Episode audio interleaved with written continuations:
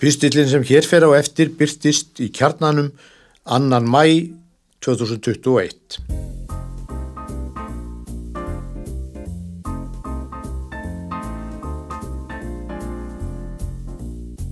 Frægastur danskara leikara Upp úr 10. november árið 1965 átti Bente Kristjansen von á sér. Hún bjó í Kaupmannahöfn á samt manni sínum Henning Mikkelsen og árskömmlum síni þeirra hjóna Lars. Barnið sem benti bar undir belti var ekkit að flýta sér í heiminn og það var ekki fyrir en 22. november sem til tíðinda dró. Þá skust hann í heiminn, drengurinn sem síðar fekk nafnið maðs. Þau benti og Henning byggu á Norðurbrú og þar var yfirgnæfandi meiri hluti íbúana á þeim tíma lálauna fólk. Benti var sjúkraliði og vann á sjúkrahúsi og Henning var bankastarfsmaður sem drýði tekjurnar með því að aka leigubíl og var síðar deltastjóri í banka. Hann leik sömulauði smá hlutverk í nokkrum kvikmyndum. Sýnirnir hafa síðar líst foreldrónum sem dæmi gerðu launafólki sem hafði í sig og á en ekki mikið umfram það framann af æfinni. Bræðurnir voru þeir einu í sínum bekkjar árgöngum sem fóru í nám eftir að skólaskildunni laug. Þeir hafa báðir í viðtölum nefnt að foreldrarnir hafi sagt að þeir eruðu vonandi alminnilegar manneskur en ekki lagt lífsreglurnar að öðru leiti. Pappi hafði gaman af leiklist, las oft fyrir okkur og kannski kveikti það einhvert nesta, sagði maðs einhverju synni í viðtali. Á loknu grunnskólaprófi fór Lars, eldri bróðurinn í herin og laug stúdentsprófi að lokinni herskildu hóf þá nám í lífræði en vann fyrir sér sem gödulistamadur og látbrasleikari. Hann varð afhuga lífræðinni en 27 ára gamall komst hann inn í konunglega leiklistarskólan og útskrifaðist þaðan 31 árs árið 1995. Lars er í hópi þekktustu leikara Dana, hann hefur leikið í fjölda kvikmynda og sjónvastáttarraða og hloti fjölmarkar viðurkenningar meðal annars Emmi Verlun. Hann hefur sömulegis alltaf leikið talsvert á sviði og hlutverkið þar orðin rúmlega 40. Þótt ég hafi á síðari árum engum leikið í kveikmyndum og sjónvastáttum lít ég frekar á mig sem sviðsleikara, saði Lars. Þótt er bræður, Lars og Mads fetin úr sömu brautina var upphafið mjög ólíkt. Mads var frá unga aldri mjög áhuga samur um leikfimi og ætlaði sér að vera frjálsýþróttamaður. Ballettin heitlaðan hins vegar og hann þreytti intöku próf við ballettskólan í Gautaborg í Svítjóð.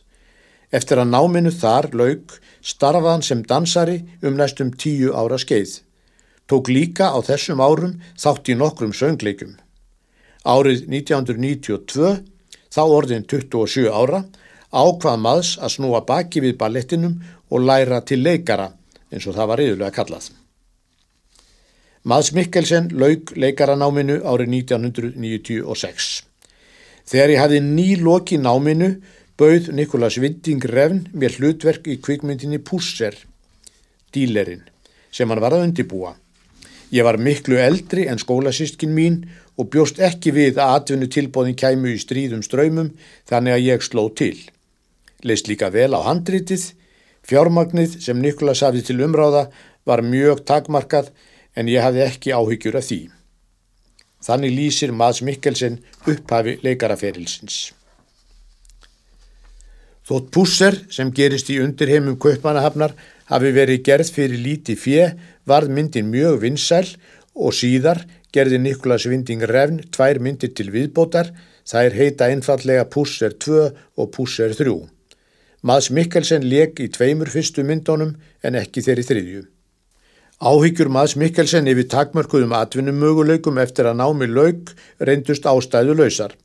Pusser rutti brautina og myndin var líka stökkpallur leikstjórans Nikolas Vinding Revn.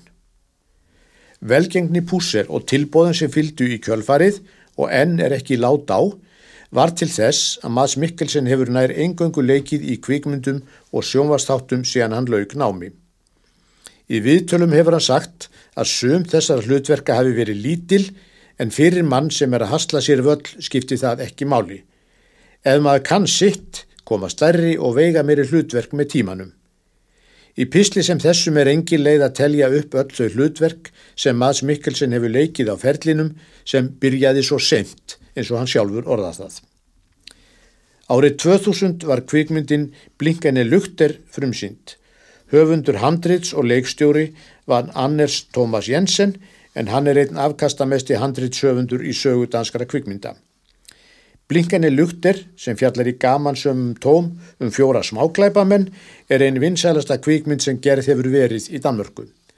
Þarna var Mads Mikkelsen í góðum félagskap en aðrir helstu leikarar voru Sören Pilmark, Ulrik Thomsen, Iben Heile, Nikolai Líkós og Sofie Gróböl. Allt leikarar sem mikið hafa látið að sér kveða í kvikmyndum og sjónvastáttum og eru enn í fulli fjöri. Á áránum 2000 til 2004 síndi danska sjónvarpi DR samtals 32 þætti um rannsóknadild lauruglunar. Þættirni sem heita Ræsihollið nutu frá upphafi mikill að vinselda og hafa margóft verið endursyndir í danska sjónvarpinu og þeirra var líka noti vinselda langt út fyrir danska landsteina. Þarna var valin maður í hverju rúmi, auk maðs Mikkelsen, margir leikarar sem hafa allar götur síðan verið áberandi í dönskum kvikmyndum og sjónvastáttum. Þótt Mads Mikkelsen hafi verið orðin þektur leikari í heimalandinu var það fyrst árið 2005 sem hann vakti fyrir alvöru aðtikli erlendra kvikmyndaleikstjóra. Þá var honum bóði lítið hlutverk í James Bond kvikmyndinni Casino Royale. Síðan hafa tilbóðin stremt til hans. Í november 2020 var tilkynnt að Mads Mikkelsen taki við hlutverki skurksins Gellert Grindelwald í kvikmyndinni Fantastic Beasts 3 eftir að framlegandin rak Johnny Depp. Myndin er, eins og nafni gefur til kynna, svo þriðja í röðinni en myndirnar eru byggðar á handriti J.K. Rowling, höfund bókana um Harry Potter. Mads Mikkelsen hefur þó ekki glemt upprunanum og leikið í fjölmörgum dönskum myndum síðast aða hlutverkið í kvikmyndinni Drukk. Sú mynd fekk nýverið Óskarsvelunum sem besta erlenda myndin. Nýjasta rósin í hnappagat maðs Mikkelsen er svo frett að hann muni leika stort hlutverk í nýri Indiana Jones kvikmynd þeirri fymtu. Áallaðu frumsýningadagur er 22. júli 2022. Danskir kvikmyndasérfræðingar er á einu málu um að Mads Mikkelsen sé nú þekktasti leikar í Dana.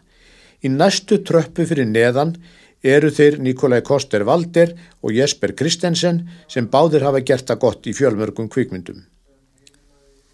Sérfræðingarnir segja að fyrir utan það að vera leikari í fremstu röð hafi Mads Mikkelsen orð á sér fyrir að vera auðveldur í samstarfi og laus við alla stjörnustæla. Það skipti alltaf miklu máli, líka í Hollywood. Í viðtali við danska sjónvarpið sagðist Mads Mikkelsen vera þakklátur fyrir velgengni sína Ég hef verið mjög heppin, fengið mörg tækifæri sem ég hef reynd að nýta. Ég lakka mjög til að taka þátt í Indiana Jones myndinni en segja ekki meira um það. Í viðtali við bandaríska tímariti Völdsör sagði Mads Mikkelsen frá því að minnstu hefði munað að hann hefði klúðrað hugsalegum frama sínum að minnstakosti í erlendum kvikmyndum. Hann var þá í flugvél á leiðinni til bandaríkjana til að fara í pröfu vegna Casino Royale. Hann var með handriti með sér og lagði það frá sér í sætið við hlýðina. Þegar hann fór frá borði glemta hann handritinu en uppgötvaði það ekki fyrir hann var komin út úr flugvelinni. Hann fekk ekki að fara aftur um borð. Í ljós kom að reyngerninga fólk sem raugum borðum leið og farþegarnir voru farnir út hafði hent handritinu í ruslið. Ef einhver hefði átt að sig á hvað þetta var og komið því í fjölmiðla hefði tvent gerst. Ég hefði geta glimt því að fá hlutverk í erlendum kvikmyndum og sömuleiðis verið búin að ljóstra öllu upp um sögutráðin. Ég hef passað mig á að láta þetta ekki gerast aftur.